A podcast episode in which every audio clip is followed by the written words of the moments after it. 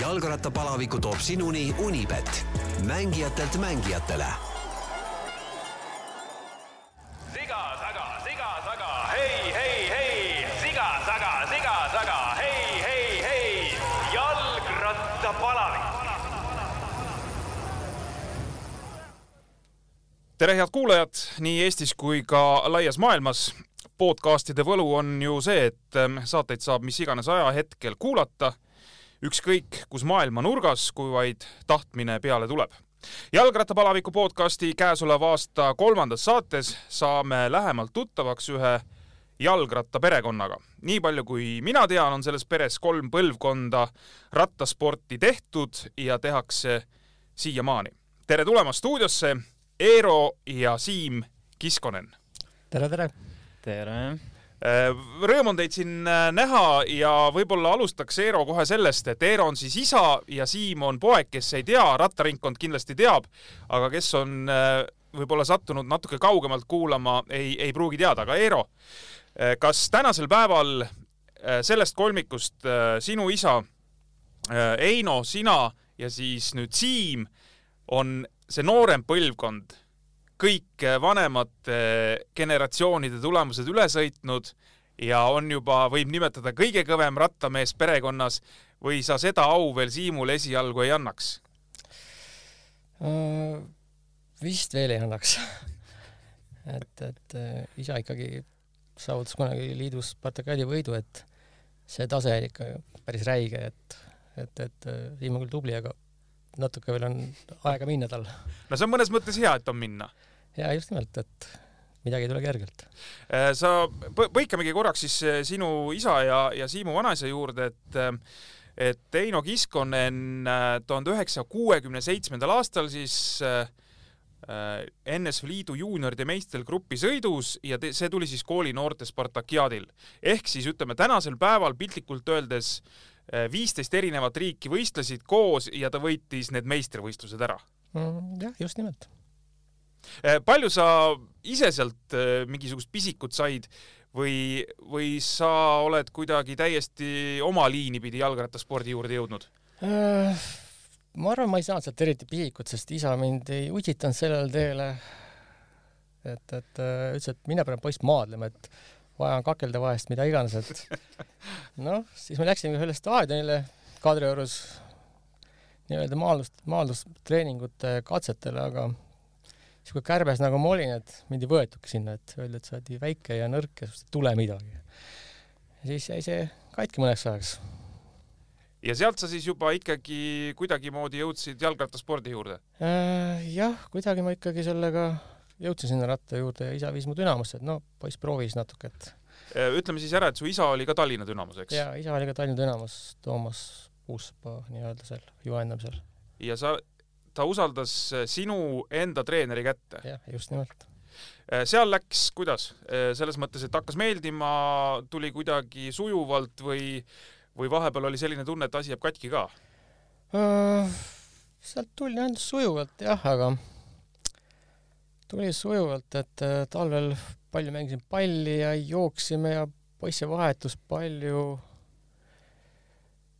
ja eks muidugi mingi hetkel oli see, et mul ei olnud nagu stiimulit eriti ja siis ma natuke noh, viilisin, rattakeeles öeldakse, ja natuke veel viilisin ja siis jälle ilmusin välja ja tegin trenni ja ja niimoodi ma siis läksin niimoodi vaikselt sammuhaaval, et erilisi eesmärke mul ei olnud ja ja, ja jõudu ka väga palju ei olnud ja rohkem osavus päästis mind kogu aeg.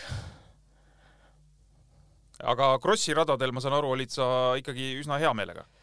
ja no sügiskross mulle ikka meeldis ja sealt sai hooga alla panna ja kurvi võtta ja ja, ja seal mul ikkagi, seal mul läks hästi, võib öelda. isa leppis äh, ka siis lõpuks sellega, et et kuigi nagu ei tahtnud väga, et ta läheks sinna rattatreeningule, aga, aga käib ja, ja saab hakkama ja, ja toimetab vähemalt, teeb midagi.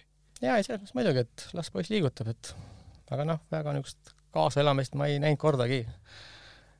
Äh, ma saan aru, et äh, kui me nüüd nii-öelda sellele teemale joone alla tõmbame nii-öelda kõige esimesele siis generatsioonile, kes teil rattaga sõitis, et et sul isa väga kaua ikkagi rattaga ei sõitnud, et see ere tulemus tuli, aga täiskasvanute hulgas ta väga kaua ei, ei sõitnud Äh, mulle ta rääkis niisugust lugu, et ta oli kuskil seal liidukoondise laagris nagu olnud ja ja siis nagu oli ka mingid katsevõistlused kuskil välismaal saada ja siis öeldi talle, et sina Estoniat, et sina ei saa. ja siis ta muidugi niisugune nagu väikse nagu äkilisem võib-olla oli ja motivatsioonilangus ja ja ütleme, lõi nagu suht kergelt käega minu arust. ja, ja sellega ta oligi. see karjäär põhimõtteliselt paugu pealt läbi peaaegu. ühesõnaga, stiimul võeti, võeti ära? just nimelt, stiimul võeti ära ja oli kõik. kes on vanema põlvkonna inimene, mitte isegi ainult sportlane või, või jalgrattur, et see teab, et, et kunagi see välismaale pääs, see oli ikka ülisuur asi. jaa, see oli kindlasti ülisuur asi, jah. tänasel päeval Siim tuleb ja läheb Hispaaniasse, millal ise tahab. täpselt nii. ostad pileti ja ainult sõida. Ainult, ainult leia või otsi see päikeseline koht ja mine ja sõida ja naudi, eks. jah, täpselt niimoodi Äh, sa ise rattasõiduga jõudsid äh, välisvõistlustele ka, ükskõik siis oma klubiga või, või kuidagi teisiti? Äh, jah, aastal kaheksakümmend, tuhat üheksasada kaheksakümmend kaheksa või see kaheksakümmend üheksa, pääsesin sinna liidu noortetuurile Tadžikistanis, Dušanbes. et see on minu üks niisugune kõvem võistlus nii-öelda või noh, kus ma üldse pääsesin peale. ja siis kuidagi ikka ma sõitsin lõpuni ja mäed olid meil rasked ja ja siis käisime ka Valgevenes ühe korra Mosõrris võistlemas. seal ei läinud hästi mul ja korra Lätis ja sellega see meie välisvõistlused nii-öelda piirdusid. see liidutuur, millest sa rääkisid, see oli siis äh, juunioride? jaa, juunioride üleliiduline noortetuur. no ütle veel mõni nimi, kes sinuga seal sõitis, ütleme kas või Eesti meestest, kes seal olid? Äh, Tõnno Palm, ta oli ikka kõva poiss meil Tartu Dinamast. Jaanus Kruusik ja siis teised poisid ma enam ei meenugi, nad igal praegult ei, ei sõida ratast. aga need mäed, mida te seal nägite ja sõitma pidite üles-alla, eh, need olid ikkagi selles mõttes eh, eh, noh, nii-öelda läbikäidud tee, et te lõunalaagrites toona ikkagi juba käisite ja olite mägesid näinud, eks? jaa, no me olimegi seal kaks kuud järjest laagris ja siis oligi nii-öelda ka lõpus seal nagu võistlused aga noh, seal ikkagi küpsetati ikka väga kõvasti, et väga kõvasti, et, et et ma võib-olla sinna võistlusse pääsesin tänu sellele, et et ma ei saanud koolist ära ja tulin laagrisse kuu aega hiljem. ja kui tehti katsevõistlus, siis ütleme, mõned tugevad juba olid kutud omadega. sest et ju trennis polnud ei pulsikella, ei spordijooki, ei taastusjooki, batooni, kõik ainult panid, teadmata, kuhu nad panid ja siis, kui oli katsevõistlus, ma tulin põhimõtteliselt ilma trennita suht puhanud ja pääsesin meeskonda ja siis, kui ma mäletan seda, et esimene päev oli kohe niimoodi, et mingid sileda peal ringid, mingi seal kakskümmend viis, kolmkümmend kilti või nelikümmend või valetan, nüüd tuli meelde, umbes kaheksakümmend kilomeetrit ja siis oli kümme kilti Mäkke finišisse. ja siis öeldi kohe, et kes kaotab liidrile mäe otsas kaks minutit, võetakse maha. ja siis ma tulen mööda seda serpentiini ülesse ja kuulan Astalza, Pitnatsa või see Astalza dva minutare karjub megafonist. jõuan siis edasi, edasi, Astalzat vaatasin, et sekund sain läbi. Vaatan üle õla, kaks Dünamo venda jäid maha, jess oma klubist juba kaks kohta kõrgemal see oli juba võistluste käik? see oli võistlus. see oli juba võistlustel, jah? kohe nagu esimese päeva peal võeti kõik maha, kes olid üle kahe minuti, et põhimõtteliselt äh, startis üle kahesaja mehe ja ma ei mäleta, kas siis ligi seitsekümmend poissi või midagi taolist võeti kohe maha et nagu ühtlustada seda taset, et muidu see oli nii erinev. absoluutselt ja, ja ega seal Venemaal või ütleme siis Nõukogude Liidu avarustes, ega seal ju armu ei antud, et äh, nii nagu sa ütlesid, et et treeniti niimoodi, et mõned olid äh, noh, piltlikult öeldes surnud ja siis võistlustel samamoodi. jah, täpselt nii oligi, sest et ega ma samamoodi, kui ma olin nagu teisel aastal, ütleme siis aasta enne seda, olin seal Tadžikis laagris, me olime kaks kuud järjest, panin viis tuhat kilomeetrit täiesti koomas omadega. tulime koju, oli Tartu tänavasõit. mu klubikaaslane Kaupo Koh, kes ei käinud laagris, sõitis seitsesada kilomeetrit ja pani must mööda nagu püssikuuliga. et, et noh, enne sügist enam jalgu ei olnud, et täitsa nii oli. ületreening. ületreening. jaa äh, kui sa nüüd äh, noh, nii-öelda rääkisid seda, seda enda lugu, siis äh, kas kõige selle pealt nüüd oma poissi oli lihtne suunata jalgrattasporti või, või kuidas sellega lood on? Äh, see suunamine teeb niimoodi, et äh, mina sõitsin juba neid Pai maratone ja siis ka nii-öelda ostsin poisile selle väikse maastikuratta ja võtsin temaga kaasa ja sõitsime seal, ma ei mäleta, kas Elvat või Rakvet või no mida iganes, mingit seda sõitu ja tegelikult Heina Ats kambib neid nimekirjast läbi seal ja vaatab, ohoh, kiskkonne on väike, et noh, et esimene võistlus ja juba veereb natuke vaikselt, et nagu tundus, et et ümber ei kuku? jah, et tuligi rääkima, et kuule, et too poiss meile trenni, noh. ja mis seal ikka, selle pikka juttu polnud, et väike taust oli meil kõigil taga, et las proovib. Äh, ma kusagilt leidsin üles ka fakti, ma ei tea, kes seda nüüd kusagil öelnud oli, et äh, ma arvan, et see on Siim, kes on seda öelnud, et vanemad ei lubanud varem minna kui kaheteistaastaselt.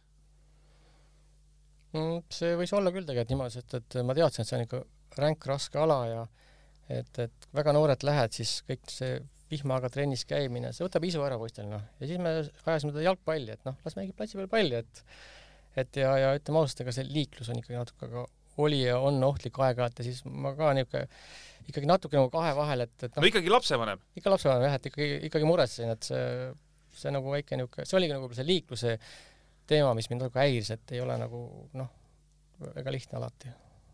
Äh, Siim, kas, kas äh, sinul oli see, ma ei tea, pisik, see rattapisik tuli siis nagu, nagu kiirelt äh, ka niimoodi kuidagi loogiliselt või, või mille järgi sina otsustasid, et tahaks ikkagi rattaga sõita? mm,. no selle jalkatrenniga oli see, et eh, meil oli Jüris oma punt, esimene ja teine klass, aga kui ma läksin kolmandasse, siis eh, Jüri punt kolis eh, Tallinnasse, läks Tallinna Kaleviga kokku. aga kui ma olin kolmandas klassis, siis ma nii noore poisina ei viitsinud eh, trennis käia linnas. ja siis see trenn pooleli. ja siis, ja siis tekkiski hetk, et võiks võib-olla midagi muud teha või? jah, või sa olid rattaga niisama niikuinii sõitnud kogu aeg või? niisama ma sõitsin kogu aeg, et mingi skatepargis hüppamas ja nii. ja siis äh, isaga käisin äh, maratonidel kaasas, sõitsin lastesõite, seal läks hästi juba, siis juba tegelikult tundsin, et tahaks seda tunnet uuesti tunda.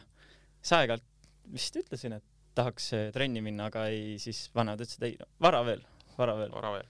no lõpuks tuli see õige aeg, said treeningule, kas sa, kas sa ütleme isaga eh, neid algusaegu noh, aeg-ajalt kuidagi meenutad ka või tuleb see kuidagi jutuks või see, see enam ei ole, te räägite ikkagi no põhimõtteliselt nagu tänasest päevast ja üks uurib teise käest, et kuule, et mis need viimased trendid on, et kuule, et mul oleks ka vaja või, või noh, midagi sellist, et, et seda noh, et kuidas see kõik algas, see, see väga jututeemaks enam ei tule.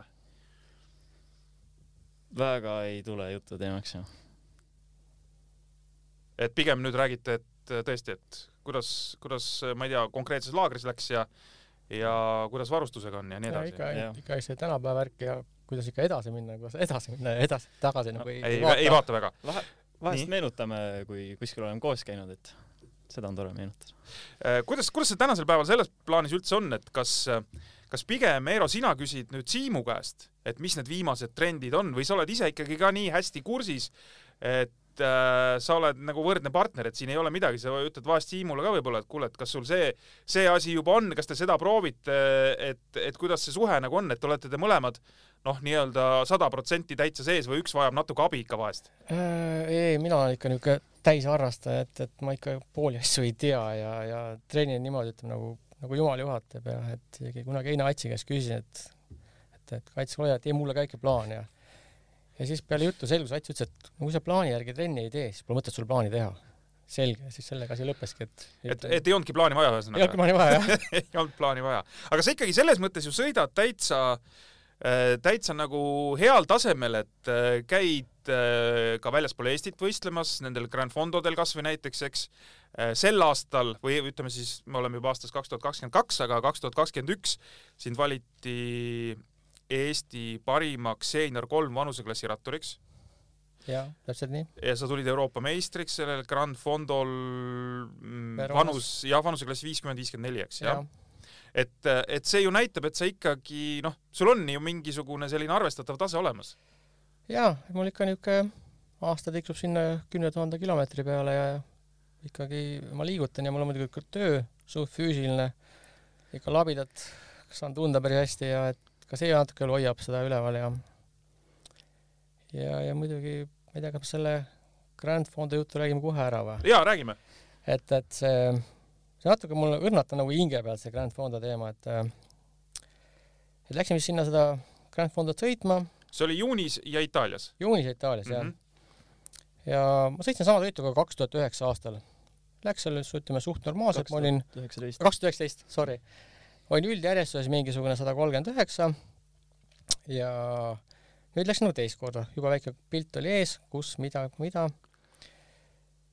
äh,. olime koos Karu Virgoga, väga tuntud rattamees. mul oligi tegelikult eesmärk, et äh, kui ma Karut edestan, siis võin on öelda, kõik hästi jah? siis on hästi, siis kõik kiidavad, et sa oled tubli, sa on Stravas kudoseid. ja siis noh, see ikka, sõit sai läbi, kohta ei tea, tulemust ei tea. karut ma edestasin, hea meel oli muidugi. Läksime siis alla siis supile ja vaatame, et autostumine käib, et lähme lähemale, et vaatame, kes siis ässad on, kes võidavad. noh, seisame seal ja korraga öeldakse, et M viiskümmend viis Eero Kiskonen. ma vaatan, mis asja, mis toimub. juba seal vend lehvitab, kuule särgiga, tule siia noh. mis seal ikka, ehmatasin ära, läksin sinna, anti särk kaela, särk selga nii-öelda, pandi medal kaela ja jäin lehvitale noh. aga mis ma tahaks nagu öelda, et see, see asi käib niimoodi, et äh, Grand Fondo üldjärjestus ma olin tegelikult sada üks, M viiskümmend, viiskümmend neli, ma olin seitsmes, aga esimesed kuus inimest ei olnud registreerinud ennast millegipärast Euroopa meistrivõistluste arvestuses. aa, seal tuleb nagu eraldi registreerida veel, okei okay.. et ma ei tea, kas seal on ka see teema, et kui sul on eliidilitsents siis Sa ei- saagi, eks saagi. ja, ja. või sul on siis mingid muud võimalused või, või asjad, mis eh, sind segavad. ühesõnaga, ja siis ma olingi tegelikult on ju oma vanus seitsmes, aga särk on särk ja ei, medal on kaelas, et E- ega sa ju seda endale ise ei määranud. Jaa, ei määranud, ei määranud, jah, sa et see- ikkagi sõitsid selle nii-öelda välja tegelikult, eks, et nii. mingi, mingi aluse põhjal, kui ei oleks sina saanud, oleks äh, keegi teine selle Minu arust saanud. järgmine saanud, jah., absoluutselt. Nonii, ma saan aru, see, see Gran Fondo värk seal Itaalias selles mõttes ju tõi meile seal teise meistritiitli veel, eks jah? jaa, see tüdruk äh, Kristi Kulkep äh,, ka tema oli täpselt sama üllatus ja tema isegi ei saanud seda medalit kohe kätte, sest ta ei tulnud sinna autasustamisele, ta ei teadnud seda, siis me võtsime särgi ära, öeldi, et ega medalit ei saa, noh. siis me helistasime tüdrukule, et kuule, tule nüüd õue, et ma annan sulle Euroopakat särgi, ta mõtles, et mingi väga halb nali on praegu. ja siis ta vaatas otsa meile, et tulevadki poisid särgiga. uue särgiga, et Euroopa meistri särgiga, et see oli niisugune noh, talle ka täielik niisugune šokk-üllatus, et mis toimub. aga see Gran Fondodel käimine või ütleme noh, mingis mõttes ka tiitlivõistlustel käimine, eks, seenioride omadel, et, et see on siis selline otsitud vaheldus nagu või, või see on ikkagi mingis mõttes ka nagu väike eesmärk? ütleme ausalt, puhtalt äh, otsitud vaheldus, et noh, tahaks ka mingit rada proovida, kus on ikka tund aega rajult mäkke ja tuhat tõusu, et noh, see on ikka midagi pärast meenutada, et noh, trennis ikka konkureerida, aga noh, see on ikka nagu märk maha, et näed, panin Euroopas niimoodi ja näed, kuidas on teised sakslased või itaallased või noh, ikkagi midagi jääb nagu meelde, et või teistmoodi noh. Siim, kas sa otsid ka radasid, kus saaks niimoodi tund aega järjest mäkke panna? ei, mina ei, ma ei otsi siukseid radasid. aga kuigi sa ju, ütleme, liigud ju mägedes äh, hästi, et te olete mõlemad, mõlemad ütleme sellised äh, noh, hea kerge kondiga mehed ka vist tundub, et et see võikski ju sobida või? jah, ega ma kaalun küll praegu natuke alla seitsmekümne kilo ja ütleme selle, selle nii-öelda jõu ja, ja kaalusuhe on niisugune täitsa Okei. okay. arve, arvestatav Mhm. jah. mm. -hmm. Ja sul, Siim, sa, sa noh, samas mo-, ega sul, sa ei pelga mägesid, ütleme nii või? või pelgad? Äh, kõik, mis on üle kümneminutilised tõusud, neid ma pelgan juba. et mu tugevus ongi tegelikult alla kümneminutilised tõusud. see tähendab siis mingisugune ütleme kolm-neli kilomeetrit mäkke või? midagi sellist või? pigem üks-kaks, üks-kaks isegi jah? üks-kaks jah okay.. ma olen, paistan küll väike, aga pigem ma olen siuke sprinterlik. Ja noh, prantslased ütlevad selle kohta puncheur. Puncher. ma vaatasin, sa oled äh, juunioride vanuseklassis ju tegelikult ka sellistel UCI tuuridel äh, saanud mägede kuninga särke, eks? jaa, kas need on siis tulnud nagu juhuslikult või, või on kuidagi, ütleme, ajaga muutunud, et sa nüüd oled tunnetanud, et, et pigem sa oledki nagu teist tüüpi rattamees? selle mägede särgi ma sain Saksa tuuril ja ma arvan, seal olidki tõusud mingi kuni neli-viis minutit. Ja see sobis mulle hästi. nii et seal sellist äh, mingit ülikõrget ronimist või pikka ronimist nagu ei olnudki. jah, päris mägedes ma ikka tegelikult ei liigu hästi. ehk siis, kui ma, ma niimoodi utreerin praegu, aga paneme siis mingisuguse sellise kahekümne kilomeetrise tõusu teile siin ette, siis, siis isa oma sitkusega sind äh, ronib vaata et kiiremini või? Õnneks praegu mitte aga mingi viis aastat tagasi oli veel päris, päris sarnaselt liikusime neid tõuse. et, et isegi sama see, noh, seesama Itaalia Grand Fondam sõitsime kaks tuhat üheksateist, siis ka Siim sõitis sama sõitu. ta startis must äh, mingi viissada kohta tagantpoolt või isegi tuhat kohta tagantpoolt, mingi tunni aja pärast jõudis alles mulle järgi. ja kui me räägime sellest sellest tõusust, siis äh, minu kilomeetrine tõus, kakskümmend kilomeetrit pikkusega oli seal tund üheksa, siis ma ei tea, mis tempoga Siim sõitis, aga tema oli seal mingi umbes tund viis või et sõitsid kiiremini, aga mitte nüüd ütleme siis äh, liiga palju kiiremini. ma ei tea, ma ütleks, ma sõitsin veel kiiremini, aga võib-olla oli ainult neli minutit vahet. no umbes niisugune okay. viis minutit, et, et ikkagi see vanusevahe kohta, ma arvan, mina sõitsin hästi ai, ma, ma jäin selle tõusu peale tegelikult seisma. ma panin pudelid täis ja võtsin süüa. sellepärast on... ma sõitsin ka natsa aeglasemini. jah, ka see okay. on tänasel päeval või ütleme tegelikult juba päris mitmeid aastaid eestlased käivad üsna usinasti Tour de France'i nendel rahvasõitudel. see on see üks päev, kus võetakse selline mägede etapp ette, sama aasta mingi mägede etapp ette ja sõidetakse see läbi, et Eero, sa oled ka käinud seal äh,? sinna ei ole veel jõudnud. aga oled minemas või see, see on jälle selline asi, mis ütleme noh, ei pruugi päevakavasse mahtuda lõpuks äh,? mind on nagu kutsutud küll natuke, aga, aga seal ikka, ma ei ole veel millegipärast sinna läinud, et äh, natuke vahest tundub, et see on ikka võib-olla natuke pikk või, või raske natuke.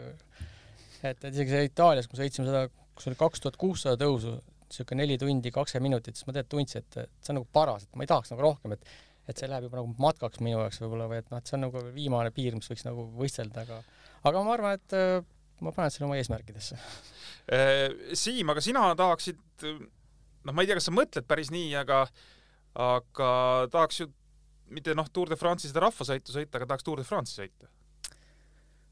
tahaks, see on unistus küll, aga, aga praegu on juba vanust nii palju, et, et ei tea, kas äh, enam on nii palju arenemisruumi üldse, et sinnamaani jõuda.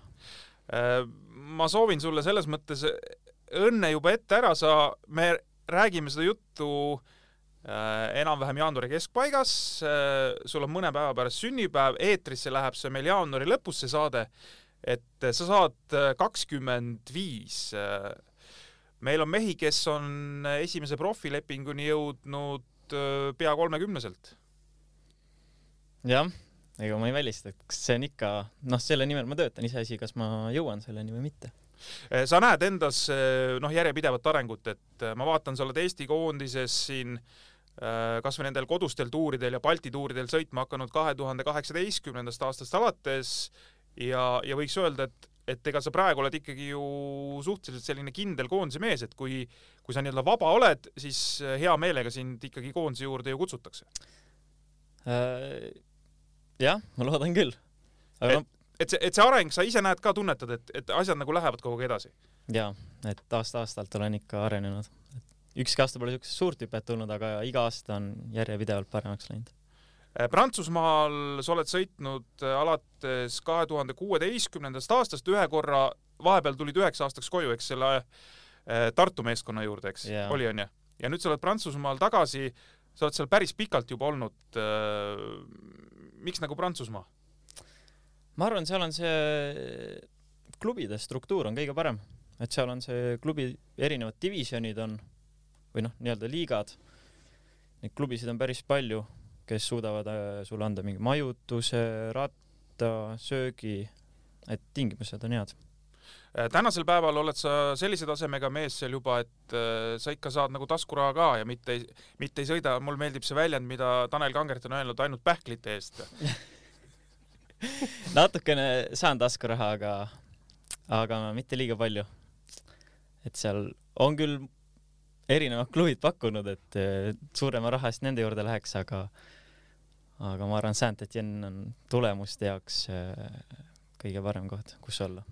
Saint-Etienne'il on äh, tänasel päeval ka otsene side selle AG2R La Mondiali meeskonnaga või sellist otsest sidet ei ole?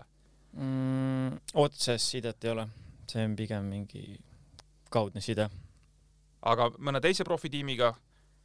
et ikkagi niimoodi, ei saa öelda, et te oleksite kellegi farm-klubi? me farm ei ole, sest AG2R-il on oma farm-klubi amatöörides. aga need sidemed on sellised, et meie klubi DS on läinud AG2R-i, treener on läinud Cofidisesse, et niimoodi need sidemed meil on. Teie klubist, sa oled nüüd selles klubis sõitnud siis nüüd alates kaks tuhat kakskümmend, eks? ehk nüüd sa alustad kolmandat hooaega seal? jaa. sealt nüüd selle aja jooksul on mehi läinud profitiimidesse? otse mitte, no see on niimoodi, et öö, näiteks kaks tuhat kakskümmend nad olid meie klubis ja kakskümmend üks oli mujal ja kakskümmend kaks nüüd läksid World Touri või, või lihtsalt profiks. et äh, sa näed ikkagi, et need sammud on, on võimalik sealt ära teha? jah. See aasta ka või noh, eelmine aasta oli üks klubikaaslane oli stažöör Cofidises, aga lõpuks ei saanud ikka ja jätkab ikka amatööris. sinul ei ole veel keegi tulnud äh, koputama, et äh, kuule, et, et äkki sa sõidaksid meil noh, kasvõi mingi väiksem profitiim? ei ole. ei ole veel? ja ma pole ise otsinud ka, sest ma tunnen, et et natuke on potentsiaali Prantsusmaal veel paremad tulemused teha. Ja siis on juba lihtsam otsida, kui need veel paremad tulemused all on ma usun, Eero, nii nagu me siin ka saate eel juba omavahel natuke rääkisime, et tegelikult see perekonna panus äh, sellisel juhul, kui sul läheb äh, poeg läheb Prantsusmaale amatööriks, on tegelikult ikkagi ülioluline. ma mõtlen igas mõttes, mitte ainult, ma ei pea silmas mingit rahalist, aga ka üldse, et noh, oleks kuhu helistada, oleks kellega rääkida, kui mingid rasked hetked on ja raudselt need rasked hetked seal tulevad, et äh, selles mõttes vist Siimul on nagu kõik hästi, ma kujutan ette. no ma arvan küll, et me panustame nii palju, kui jaksame ja et et, et anname endast parima, et ta saaks ikkagi harjutada ja teha seda, mida ta soovib praegult. kas kodus on natukene karm kord selles mõttes ka, et et kui ikkagi nagu isa näeb, et kuule, et sa seal tead üldse midagi paremaks ei lähe ja, ja kuidagi seisad seal ühe koha peal, et tead, et nüüd kas paned auru juurde või, või siis lõpetame selle nalja ära? seda ei ole veel praegu olnud, sest nagu Siim ütleski, et kogu aeg läheb paremaks. aga jah, see asi me mõlgub vaikselt, et kui ei lähe paremaks, siis labidas ootab nii, et Siim, et sul jah, et kui sellised äh, kuidas ma ütlen siis äh,, momendid tulevad, kas pingutada või mitte pingutada, siis sa pead selles labida pildi endale silme ette manama. Jah, ja siin nii-öelda off-season ajal olen ehitusel tööl käinud labide peal ja siis on küll siuke tunne, et kuule, okei okay,, ma, ma tahan trenni minna, ma lähen teen kasvõi kehva ilmaga viis tundi, aga ma ei jaksa siin labide peal olla.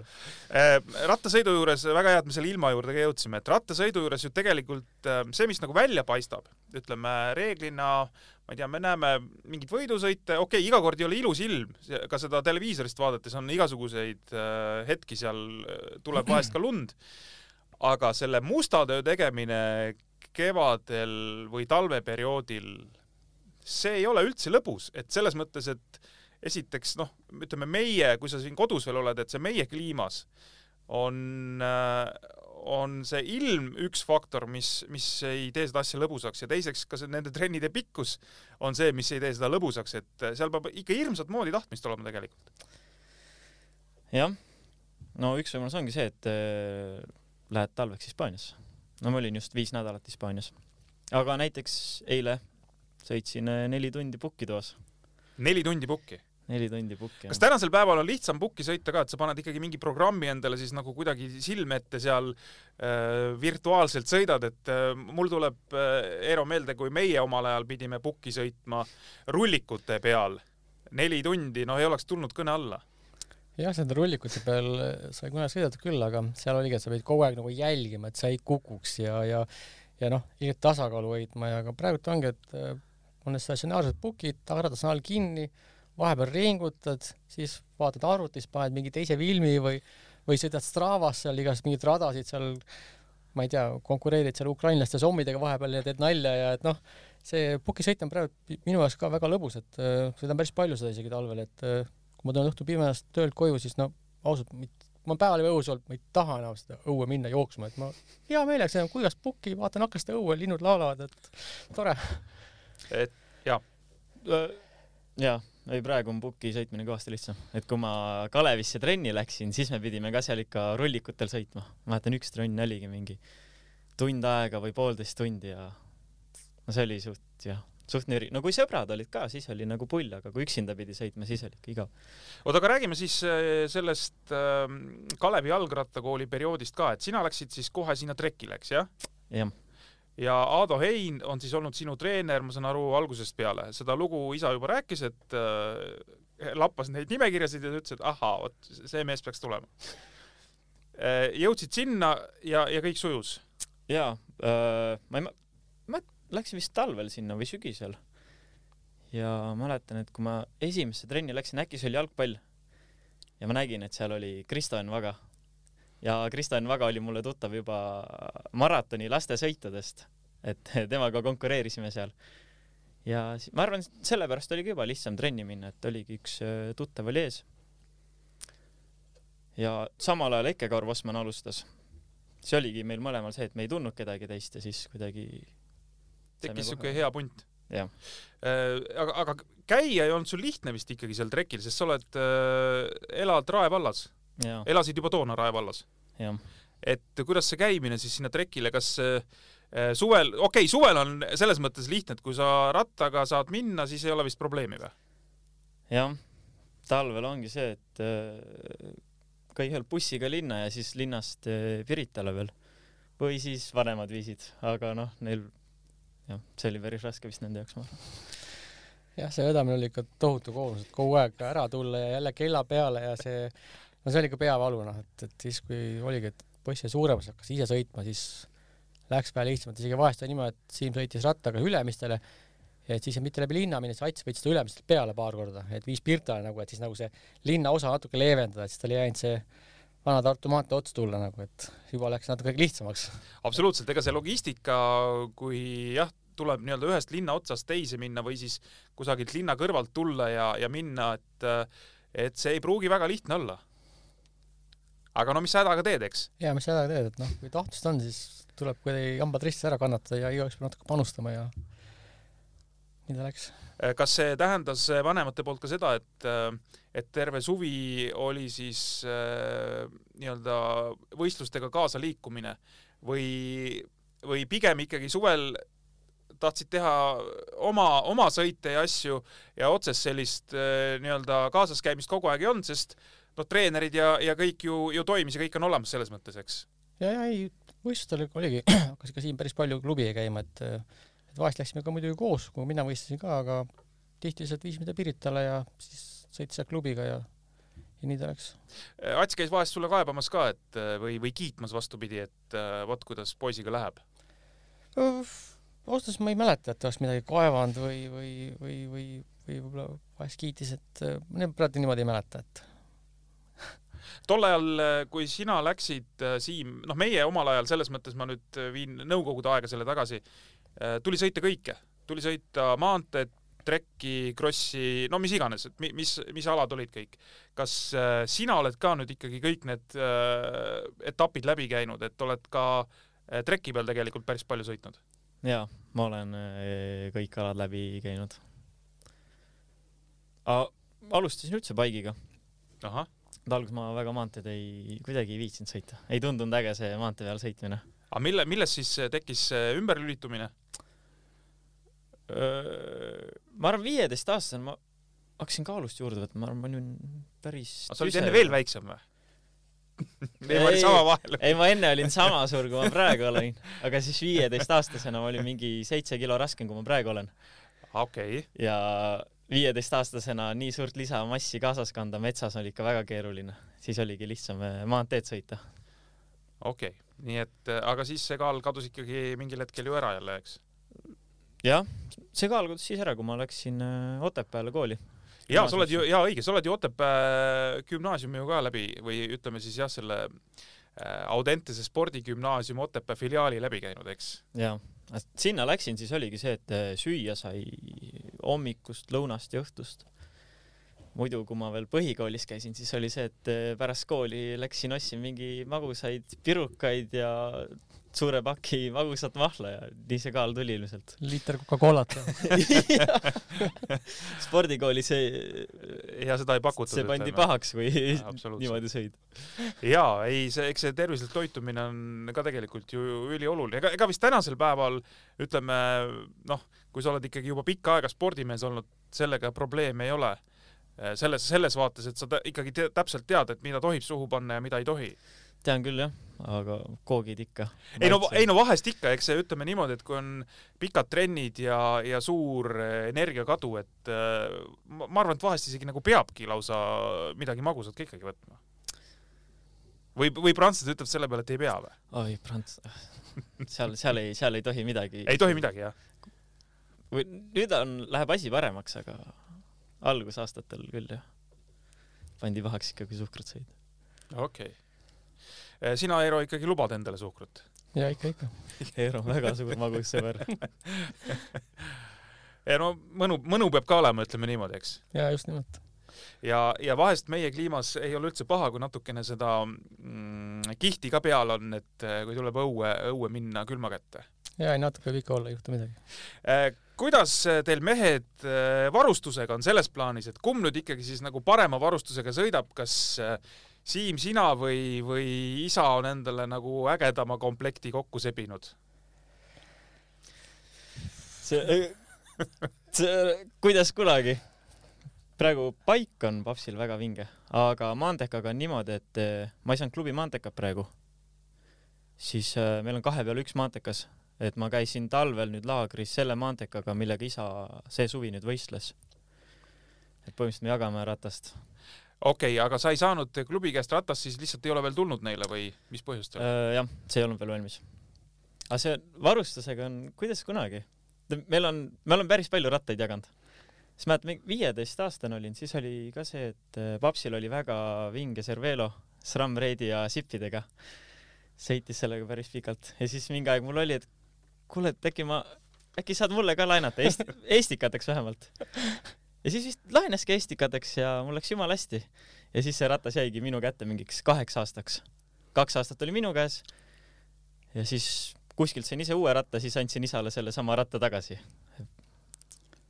et see oli, et jah, ostsin selle ratta kunagi kaks tuhat üheksa, täiesti lagipill oli nii-öelda. aga mitu korra nüüd raam katki läinud ja sellel suvel käisin Poolas Grand Fondol ja nii kui tehniline start lõppes, käis pauk ja pauku järgi käis ka külilipanek. ja tõusin püsti, istusin peale ja raam oli kahest kohast katki. nüüd otsustasin, et see ratas kaksteist aastat vana, et rohkem enam ei remondi, et kannan maha. täna olengi ilma rattata ja kuskilt ei saa ratast osta ka praegu. jaa, et selle ratta tarnimisega vist on päris suured probleemid ja ma olen kuulnud, et et näiteks ka World Touri klubidel rattad hilinevad ja tulevad äh, alles äh, ütleme, kui hooaeg käib juba, nii et osad klubid stardivad eelmise hooaja ratastega. meil Prantsusmaal oli eelmine aasta ka niimoodi, et startisime või noh, sõitsimegi terve hooaeg eelmise hooaja rattaga. ja ma kuulsin, et see aasta on mingitel Prantsuse klubidel samamoodi, et lihtsalt see rattavalik on nii halb. noh, või noh, saadavus. jah, et lihtsalt ütleme, see pandeemia, koroonapandeemia on siis äh, rattatööstusele mõjunud tegelikult nagu noh, selles mõttes nii hästi, et see nõudlus on nii palju kasvanud. kas, kas on näha ka, et äh, ongi tõesti siis inimesi ma ei tea, rohkem sõitmas kusagil maanteel või metsa vahel või, või see kõik pe tegelikult peegeldub kusagil hoopis mingis linnapildis, mis, mis teiega no nii otseselt ei seostu? ma ei oska nii öelda. see, no seal Saint-Etienne'is, seal on küll väga palju harrastajaid, aga no ma läksin sinna kaks tuhat kakskümmend. ma ei tea, mis seal varem, varem oli, noh aga kindlasti ma arvan, et on palju harrastajaid juurde tulnud ja igasugused jooksjad ja triatleedid ja päris paljud sõidavad ratast ja, ja inimestel on läinud võimalused paremaks, et see rattapilt seeniorklassis on ikka praegu äh, muljetavaldav, et see ikka äge on, väga äge. Äh, kui me nüüd varustusest rääkisime, siis äh, Eero, kas, kas sa oled, ütleme seda tüüpi lapsevanem ka, et äh, noh, just mainisid, et ostsid kaks tuhat üheksa lagipilli nii-öelda, et noh, paremat põhimõtteliselt saada väga ei ole. et, et las noored mehed saavad kõigepealt mingi taseme kätte, siis räägime varustusest või no siin lihtsalt on, on võib-olla see oht, et kui kohe on mingisugune maksimumpill all, eks, et väga paremaks minna ei saa, siis nad lähevadki sinna Prantsusmaale amatöörmeeskonda ja seal antakse neile kehvem ratas ja siis tekib selline nagu nukker olukord, et oot-oot, et kuidas ma sellega pean sõitma, et ma olen tegelikult harjunud sõitma hoopis nagu paremate ratastega.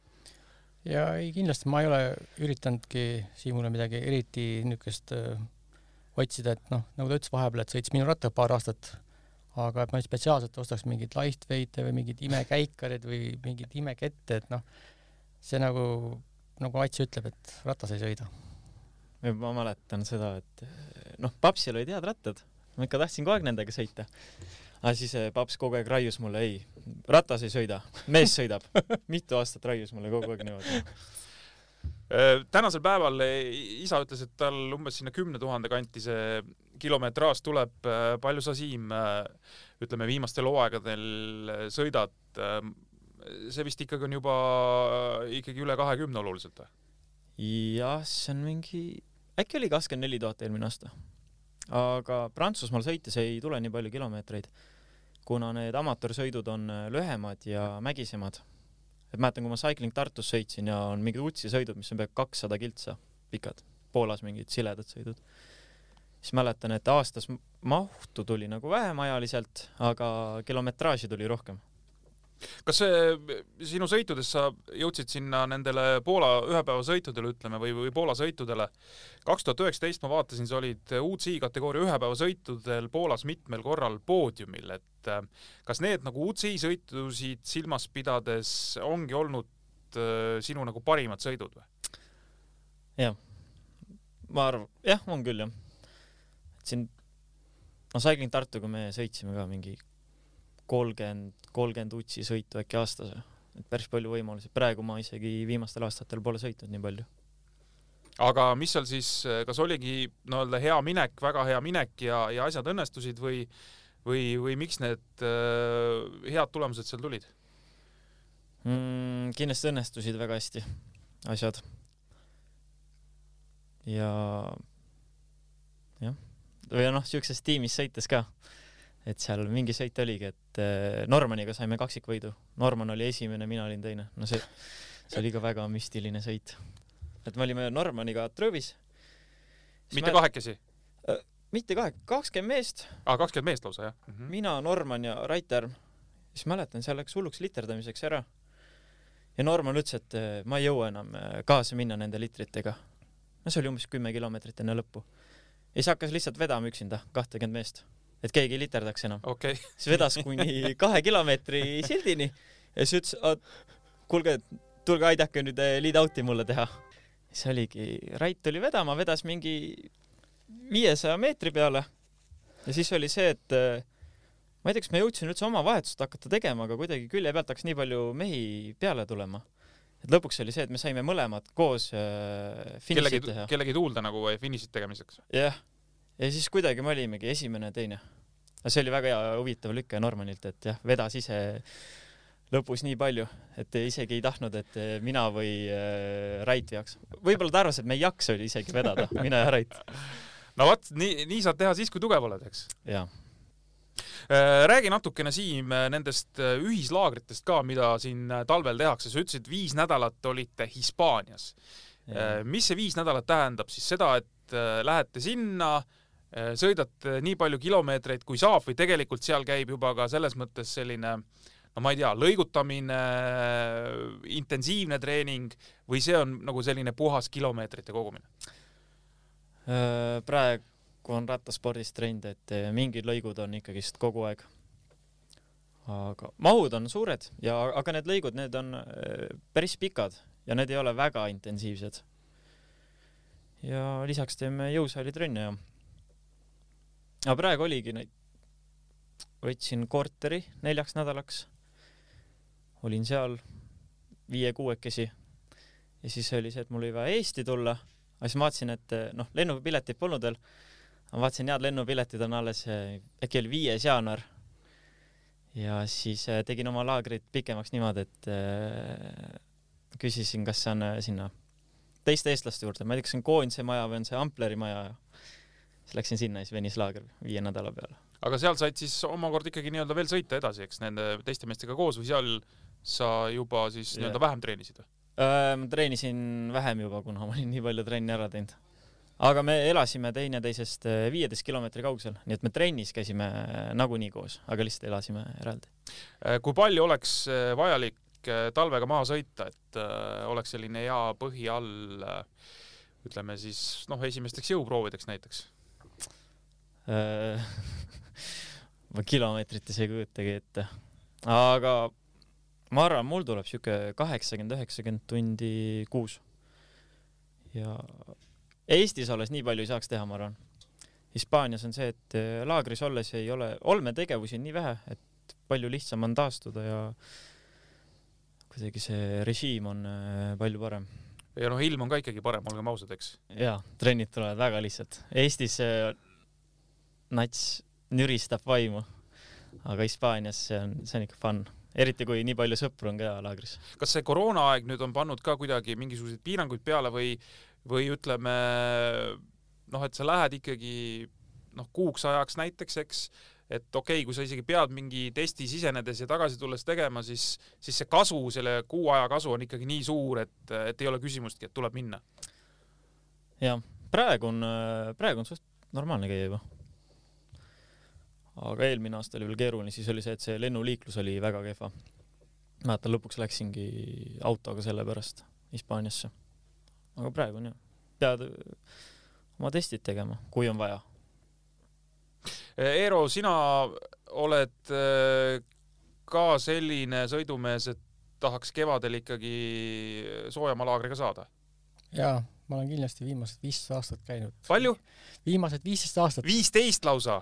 Jah, järjest, ahaa. viisteist aastat olen kindlasti käinud järjest äh, soojamaalaagris mm. -hmm. et äh, esimese püsiku sain tegelikult kaks tuhat neli, kaks tuhat neli Hawaii'ga Itaaliasse. ja siis vaatasin, et see on vapsi tase. ma mainiks ära, et ta teeb kaks laagrit tavaliselt aastas. Äh, kaks laagrit kevadeti või? Äh, ta teeb ühe laagri talvel Hispaanias aa, ja okei siis veel kuskil kevadel ka, et ta on ikka profi, et sa käid ikkagi jaa, et selles mõttes ütleme, käid kõigepealt ütleme niimoodi veel nagu talvel kilomeetreid kogumas ja siis enne hooaja algust lähed nagu veel. umbes nii jah, ütleme, kui nüüd aus olla, siis ma tulin alles pühapäeval Küproselt. Äh, ka sõitmast? jaa, kaks nädalat panin seal.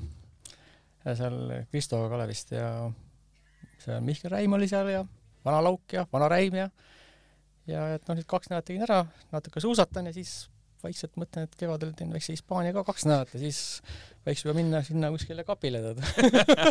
kas äh, kaks nädalat äh, tulekski võtta või nädal on, nädal on liiga vähe, et tuleks ikkagi paar nädalat käia? ei, nädal on täitsa mõttetu, ausalt. kaks läheb juba ka niimoodi. aga no Küpros oli ikka tead äh, niisugune nii mägine koht, et siledat on vähe, et seal tegelikult on kaks nädalat väga paras, et üle selle seal, sa lihtsalt ei jaksa noh. Väga rasked mäed on seal võrreldes Hispaaniaga. no näiteks sina oled nüüd harrastaja, eks no ikkagi ma, ma julgeks öelda selline harrastaja sportlane, kes ikkagi käib nagu sporti, no käib nagu võistlemas ka, et kui sa lähed nüüd kaheks nädalaks, palju sa siis nagu tahad seal trenni teha, sul on mingisugune ettekujutus ju kindlasti olemas? kas sa, kas sa rehkendad mingid tunnid või, või mi, mi, mida sa tahad saada sealt? no ütleme niimoodi, et me sõitsime tegelikult äh, suht suvaliselt. Ebrasel oli või see Kristo Ebrasel, tal ka tüdruk sõidab ju, oli seal laagris. Et tal oli nagu mingid plaanid või mingisugune kava, aga noh, ütleme üks nädal tuli mul seitseteist tundi ja teine nädal tuli mul üheksateist tundi, et noh, kas on rohkem enesetunde järgi siis või? no teine tunde järgi jah, et äh, oli küll mõni päev mõtlesin, et teen sada täis, aga tegelikult oli seitsmekümne viie pealt juba jalad nii pehmed, et et, et mäed tegid oma tööd ja siis veeresin boksi ära, et aitab küll tänaseks Eh, olete sattunud koos eh, ka laagerdama kusagile mingitel aegadel, kui sa ütled, et sa oled viisteist aastat, ütleme niimoodi käinud juba, et et äkki on trehvanud või? Ei ole? ja ikka olen mõned korrad jah, et siin isegi üks aasta oli niimoodi, et ma võtsin ise Kalevist äh, aastavahetuseks kuus poissi vist kaasa ja organiseerisin nendele niisuguse kolmenädalase laagri, et mina sõitsin siis autoga Hispaaniasse, vedasin kõik rattad sinna, kõik mingid söögid kaasas, ise väntasin, siis olidki seal Siimune sõbrad seal, Eke Kaur Osmanid ja Vagad ja ülejäänud Eerikud ja et ikka oleme olnud koos küll muidugi. nii et oled olnud ka väik-, väikest viisi laagri korraldaja? jah, on küll jah. no see oli ikka kaks või kolm talve oli niimoodi, kus Jah. äh, aitasid meil kõigil laagris ära käia. mis see selle aasta plaanid siis äh, kummalgi on, et äh, ega see suvi ei ole enam mägede taga, ütleme siis niimoodi, või kevad? no mina arvan, et äh, minul oli nüüd karjääri tipphetkel lõppes eelmise aastaga ära sa pead seda silmas siis ikkagi seda Euroopa meistritiitlit? äh,. no Või- või seda, mida? aga Nii. lihtsalt ka, ka see, et ma sain nagu elu esimese Estikate medalisüklus. et mul Ahaa., mul ei ole seda muidu olnud nii-öelda põhispordi juures ja ma ei ole seda ka harrastusspordis kulda polnud olnud, ma nüüd Süglas sain, et ma nagu selles mõttes hindan ennast, et mul läks hästi. ja ma sain ka eelmine aasta maantees Estikate kolmanda koha, kus Kodanipark võitis, ehk siis nii-öelda vanale olümpiamehele natuke kaotada polnud ka häbi, et mina loen, et äh, mul läks ikka väga hästi eelmine aasta, et Äh, no okei okay,, sa ütled, et, et võib-olla nagu tippaega möödas, teisest küljest äh, süües kasvab isu kogu aeg. jah, aga ma tegelikult natuke kardan neid kukkumisi asju, et ma kogu aeg mõtlen, et järgmine aasta võtan natuke rahulikumalt, aga siis lähed trenni, paned ja siis kurat, natuke tahaks veel panna ja vaatab, mis saab. aga ühesõnaga ikkagi võistluste lainel. ja ikka lähen, sest Paigis on juba kindel, et ma seal Onnis on niisugune väike organiseeritud tiim, et ütles, et tule sõida meesjärgis seal natuke ja siis Kalevi poistega teeme maanteega väikse meeskonna kokku ja noh, eks ta ikka tuleb panna vist veel, nii kaua kui jaksab. teisest küljest on ju seesama, et, et üks ütled, et noh, see võistlemine ja see hasart, aga tegelikult see on ju tervis ka, selles mõttes tervis, et äh, sa hoiad ennast heas vormis.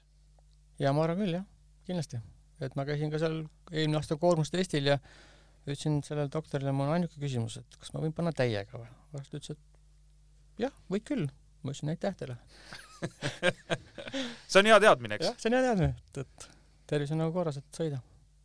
sest midagi ei ole teha, seda vanust ikkagi peale tuleb eh, kogu aeg, et siin tuleb vaeva näha selle, selle tervise, tervise korras püsimisega. ja, ja sinu eesmärgid, Siim, võiks olla millised sel aastal? Utsisõidud, mis mul on Prantsuse klubiga. Need on eesmärgid ja üldse kõik siledamad sõidud. et seal klubis on see, et enamus on siuksed mägironijad pigem. Need ongi mina ja ah, Amplerist tuleb Krister Sansons. lätlane siis tuleb teile sinna klubisse? jah, Mhm. et me oleme siledamehed ja siis meil on põhimõtteliselt kõikidel siledatel sõitudel on meil võimalus tulemust teha. oota, aga seal on eestlasi veel eh, sinu Mm. klubis või? ma olin Joosep Sankmaniga koos, aga ta nüüd lõpetas ära. jättis täitsa katki ratasõidu, jah? Läks kaitseväkke Läks kaitseväkke. ja siis sa oled juba kaitseväes käinud? äh, ei ole. ei ole veel, jah? oled pääsenud? selle, jah, põhimõtteliselt olen pääsenud jah. selle peale Siim ütles, et profid ei käi sõjaväes. Pro-, profid ei käi sõjaväes, okei okay.. tema sõnad on need. ei tegelikult Prantsusmaal läksin siis äh,, siis vaatasin, et seal mitte ükski sõitja pole käinud. siis mõtlesin, no ma ei tea, kas ma ise ka tahan minna. aga ei, nüüd ma olen äh, pääsenud ka sealt, et Äh, see korra veel sellest Prantsuse äh, Prantsuse ütleme siis sealt nagu läbimurdmisest läbi selle Prantsusmaa klubisüsteemi, et äh, et sa tead täpselt, mida sa tegema pead, et äh, teha sealt samm edasi profileeri. Jah.. kas see, kas see on nii-öelda ainult konkreetselt mingi tulemus maksab või seal maksab midagi veel? ma ütleks, minu puhul on äh, ainult tulemus praegu. tulemus ja jõunumbrid. et seal Prantsusmaal äh, see kogu see kalender on päris raske. ja seal ei ole puhtaid sprintereid. Et kui sa võtadki mingi Prantsusmaa mingi amatööride reitingu lahti, siis mingi esi kahekümne viies on äkki mingi, ma ei tea, kolm või neli sprinterit ainult et kui ma nendest sprinteritest eh, kõige silmapaistvam olen, siis ma arvan, mul on hea šanss kuhugi saada. no sel aastal noh, ma ei teagi seda nii-öelda ametlikku äh, Prantsusmaa rattaliidu mingit reitingut, aga äh, Direct-Velo reiting äh,, mida siis ka tegelikult päris palju vist nagu jälgitakse, et Jaa. seal äh, oli siis nendest amatööridest kõige kõvem mees Karl-Patrik Lauk, eks, punktitabeli järgi. kas see, kas see kuidagi, ma ei tea, ka jääb seal silma, et näed, et eestlane, sa ka eestlane, või seal noh, mingisugust sellist paralleeli ei aeta, et no see nimi, konkreetne see vend, kuskohast ta pärit on või, või kas sina oled temaga mingi äh, sõber või, või sama riigi mees, see ei loe mitte midagi. Äh, ma arvan, mu elu on küll sellepärast lihtsam, et äh, Karl-Patrik Lauk on eestlane ja kõige tugevam amatöör Prantsusmaal olnud. aga kuidas sa seda nagu tunnetad või mis see, mis see, mis see nagu, kuidas see käib? Äh, mm, no kui oma meeskonnakaaslastega juba räägin, siis on see, et äh, päris tihti räägitakse Karl-Patrik Laugust kui kõige tugevamast mehest Prantsusmaal okay.. ja no Lauk on ikka väga tuntud Prantsusmaal. et ühesõnaga, seal võib kaasas käia umbes midagi sellist, et et kuule, see mees on ka eestlane, järelikult peab olema ka mingi päris hea kvaliteediga vend.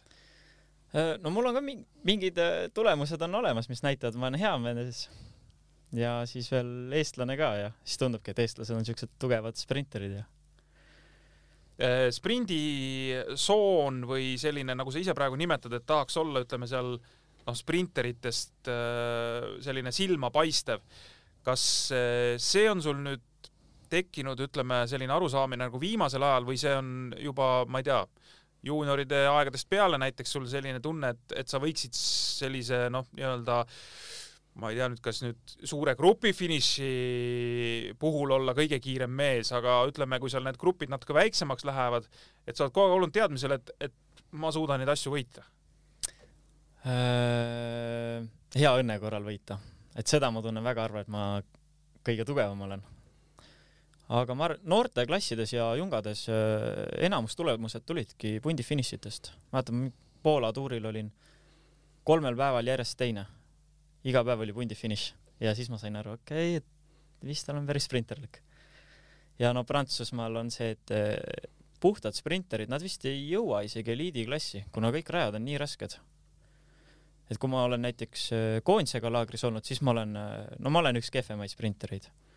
aga kui ma lähen oma Prantsuse tiimiga laagrisse, siis ma olen üks äh, tugevamaid sprintereid või noh, kõige tugevam. Eestis on üldiselt jah, reeglina ikkagi neid sprindialaga mehi on, et küll siin on aeg olnud, kus noh, on ka mõned mägironijad nii-öelda tulnud vahelduseks, aga, aga reeglina ikkagi eestlaste tugevus on olnud see, et et suht kiire jalaga mehed on. jaa oh,. no kui Eestis juba löögile saad, siis on, siis on nagu super hea, siis on, siis, siis võid arvestada, et sa oled nagu maailmaklass. ma arvan küll, kui ma Eestis mõne paar sõitu võidaks, siis ma võiks öelda, ma võiks igal pool võita. jaa.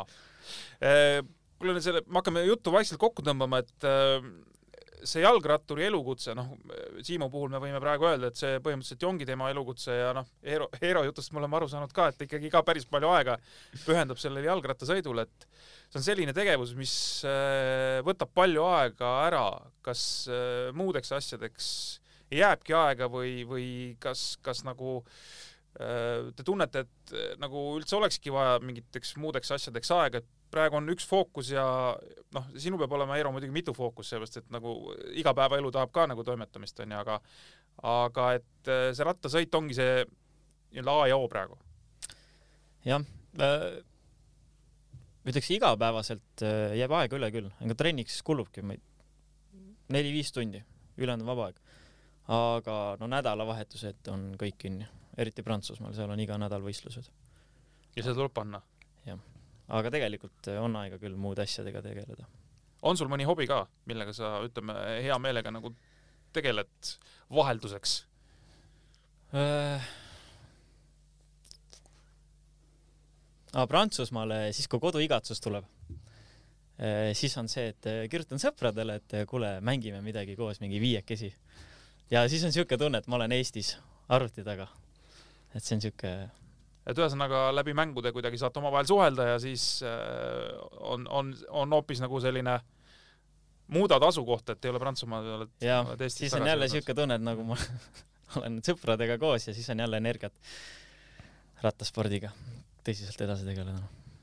Eero, kuidas sul siis äh, rattasport võtab kõik vaba aja? no ikka päris palju ja ma tunnen küll, et tegelikult kodus on palju asju on vaja teha, aga lihtsalt äh, kui mul nädalavahetusel on võistlused, peale seda tuleb koju, jälle väsinud, peale tööpäeva käid trennis ära, tuled tuppa, jälle väsinud. Ja kogu aeg lükkad edasi, lükkad ja lükkad neid asju, et äh, on küll, rattasport võtab kõvasti aega, väga kõvasti. samas annab vastu ka kindlasti, eks ju no emotsioonid on päris head ikka loomulikult, aga jah. kas see, kas see on ka selline, ütleme, ma ei tea, kas Eesti rattaspordis või maailmaspordis mingi sündmus, mida te ka nagu hirmsat moodi ootate, et äh, ma ei tea, mingi võistlus või, või mingi, mingi muu asi, ma isegi ei oska, ei oska niimoodi praegu lambist pakkuda, aga, aga noh, et vot äh, kui see asi on, et siis mul on kindlasti, ma ei tea, kas teleka taga või tahan ise vaatama minna või, või mis iganes. ütleme konkreetselt nagu ei ole, aga kindlasti kui mingid on kas suurtuurid või mingid ühepäevasõidud ja eriti kui ikka Eestis sõidad, siis ikkagi hea meelega leiad selle aja, et vaataks, kuidas meie meestel läheb ja hoiab pöialt, et noh, ikka tahad näha, et pange, selline asi ka käib.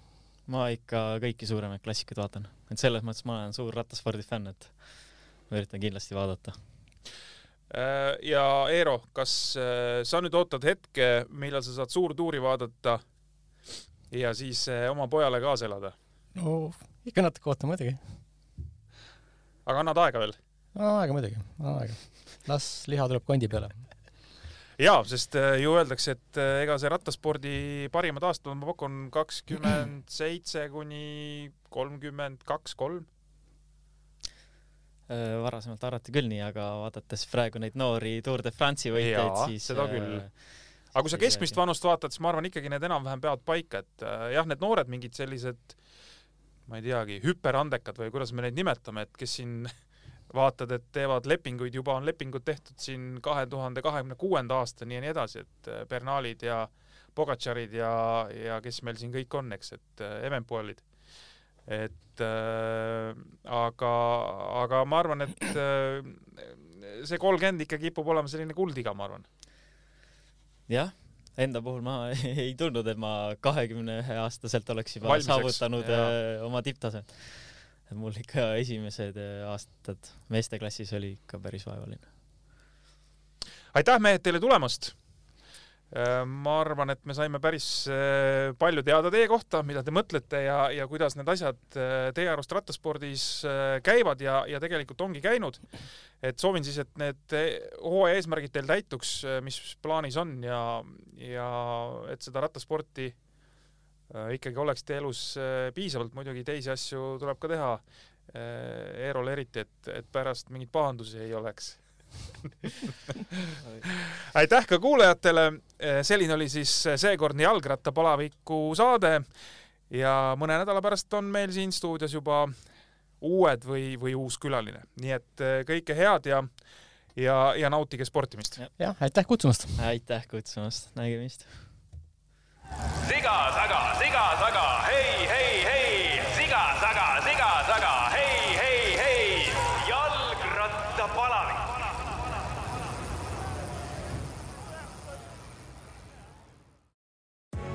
jalgrattapalaviku tõi sinuni Unibet, mängijatelt mängijatele